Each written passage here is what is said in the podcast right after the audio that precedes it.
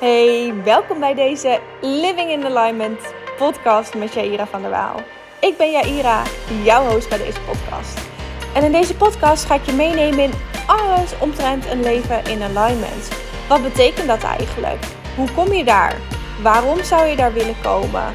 En wat zou je tegen kunnen komen onderweg naar alignment? Kortom, alles wat jij moet weten om een leven te creëren in lijn met wie jij bent. Ik deel dingen die ik zelf ben tegengekomen, mijn eigen verhaal. En ik hoop je daarmee te kunnen inspireren om ook jouw allermooiste leven te gaan leven. Als jij daar klaar voor bent en er net zoveel zin in hebt als ik, dan zou ik zeggen: heel veel luisterplezier.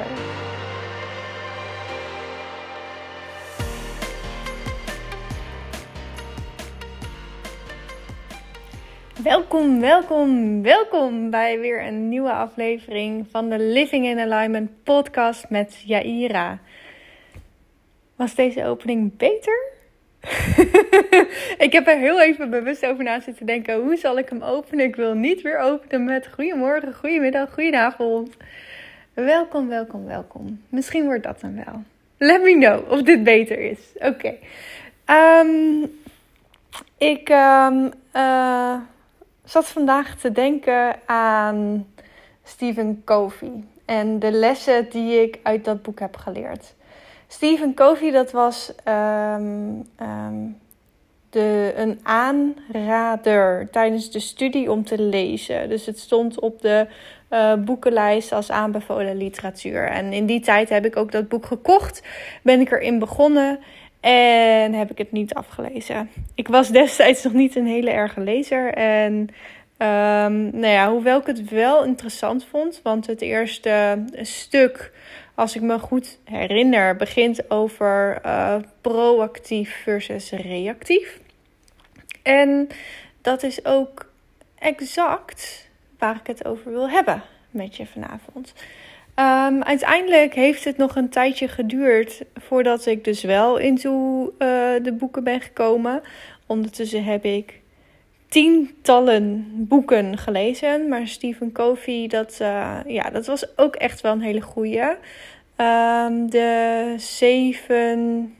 The Seven Habits of Highly Effective Leadership heet het geloof ik in het Engels. De zeven eigenschappen van goed leiderschap zal dan ongeveer de Nederlandse vertaling zijn. Ik heb hem in elk geval in het Engels gelezen, um, omdat mijn studie op dat moment in het Engels was. Maar in het Nederlands zal die ongetwijfeld net zo goed zijn. En um, nou ja, het gaat dus over het stukje proactiviteit versus reactiviteit. En dit is iets dat. Um, nou ja, dat stukje heb ik dus meerdere keren gelezen. De eerste keer en daarna nog een keer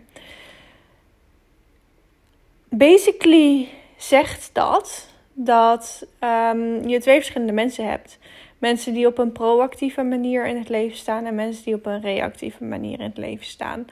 Um, het gaat een stukje over de cirkel van invloed en de cirkel van. Um, uh, oh, nou moet je het wel goed zeggen. Dit is, het is dus even voor, voor het referentiekader. Jaren geleden ook uh, ondertussen dat ik dit boek gelezen heb. Ik denk drie jaar terug of zo. Um, cirkel van betrokkenheid. Dat is die ander. Dus je hebt de cirkel van invloed en de cirkel van betrokkenheid. De cirkel van invloed is datgene waar jij daadwerkelijk invloed op kan uitoefenen. En de cirkel van betrokkenheid is alles waar je bij betrokken bent, maar um, niet invloed op kan uitoefenen. En um, hoe groter je cirkel van invloed is, hoe groter meestal ook je cirkel van betrokkenheid. Um, dan heb je dus de reactieve mensen.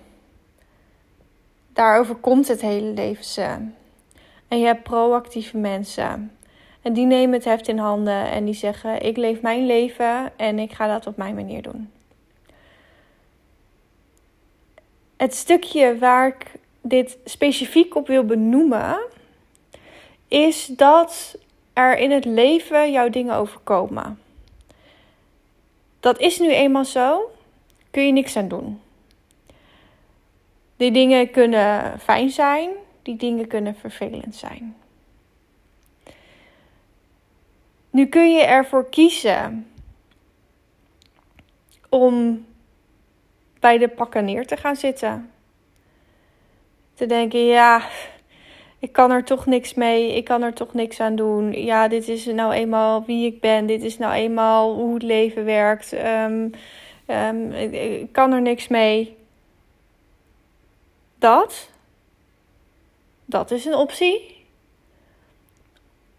Of je kunt kijken waar jij wel invloed op kan uitoefenen. En dat is de keuzevrijheid die jij hebt. Tussen een actie en een reactie zit de vrijheid om te kiezen. En in het boek wordt het voorbeeld aangehaald dat uh, je misschien al wel kent. En nogmaals, het is voor mij echt een tijdje geleden dat, dat ik dit boek heb gelezen. Maar ik had ineens even een, een ingeving dat ik het hierover wilde hebben. En ook dit schiet me nu even te binnen. Um, maar daar wordt een voorbeeld aangehaald van iemand tijdens de Tweede Wereldoorlog die in een concentratiekamp zit. En je kunt je voorstellen dat die mensen niks hebben, niks meer hebben. Alles zijn ze kwijt. Letterlijk alles. Hun waardigheid, hun familie, hun huizen, hun bezittingen. En er was één iemand, en misschien waren het er wel meer, maar hè, dit is het bekende voorbeeld, die in plaats van reactief een proactieve mindset had. En die erachter kwam dat je ook de keuze hebt om op een andere manier naar een situatie te kijken. En hij of zij, ik geloof dat het een hij was, ervaarde daarin vrijheid. Hij liet zijn geluk niet afhangen van datgene wat er om hem heen gebeurde. En dat is uiteindelijk ook hetgene wat hem er doorheen heeft gesleept. Dacht ik. oh, wat een, wat een slechte podcast dit. Oh, sorry jongens. Sorry, sorry, sorry. Maar het punt is dus dat je dus altijd de vrijheid hebt om te kiezen. Tussen een... Um, tussen iets wat er gebeurt en jouw respons daartoe heb je de keuze hoe wil ik hierop reageren. Ga ik uh, direct uh, in, in de reactie uh, zonder erbij na te denken? Of sta ik er heel even bewust bij stil? Hoe wil ik hierop reageren? Hoe wil ik dat dit mij laat beïnvloeden? Je kunt ergens super negatief op reageren. Of je kunt ervoor kiezen om het uh, van je af te laten glijden. Ik had ook nog een heel mooi gesprek laatst. En um, daarin zei iemand van ja, ik, eh, ik, krijg al die negativiteit over me heen. Dat, dat komt allemaal in mijn rugzakje. Mijn rugzakje wordt steeds zwaarder om op die manier te dragen. Dat zit me in de weg. En ik vond dat zo'n mooie metafoor, want mijn reactie was: dat rugzakje kun je ook leeghalen. Jij bent de eigenaar van dat rugzakje. Waarom kies jij ervoor om al die negativiteit in je rugzakje te laten? Haal het eruit. Gooi het weg. Je hoeft dat niet met je mee te dragen. Jij kiest ervoor om dat met je mee te dragen. Maar dat hoeft niet. En dat is. Dat, dat, dat, ik vond dat zo'n mooie metafoor. Um, en die wil ik er dus, die wilde ik ook gewoon even met, met jullie delen. Want ik denk dat veel meer mensen uh, daar iets aan hebben. En dat is dus het verschil tussen uh, reactieve mensen waar het hele leven zo over komt. En proactieve mensen die zelf ervoor kiezen hoe ze hun leven leven. Hoe ze kiezen te reageren op bepaalde situaties. Deze mensen die doen anders. Die spreken anders. Die kijken anders naar het leven. En als je dat dus net zo interessant vindt als ik, dan zou ik zeggen: pak dat boek er nog eens bij. Ik denk dat ik dat ook nog wel even doe binnenkort. Want dan kan ik mogelijk nog even een iets sterker verhaal van deze podcast maken. Ehm, maar er staan ook een heleboel andere ehm, hele mooie dingen in dat boek. Hè? Dit, dit was dan het eerste onderdeel over uh, proactieve mensen, reactieve mensen, de circle of influence uh, en de circle of concern. Dus hè, waar heb je invloed op en waar ben je bij betrokken? En dat waar je bij betrokken bent, daar kun je dus niet altijd invloed op uitoefenen. En als je je daar dus op focust, dan slurpt dat alle energie weg. Terwijl je ook kan kijken, oké, maar waar heb ik wel invloed op? Hè, onder andere, hoe reageer ik op situaties? Dat is waar je wel invloed op hebt. Laat ik het me raken? Laat ik het me niet raken?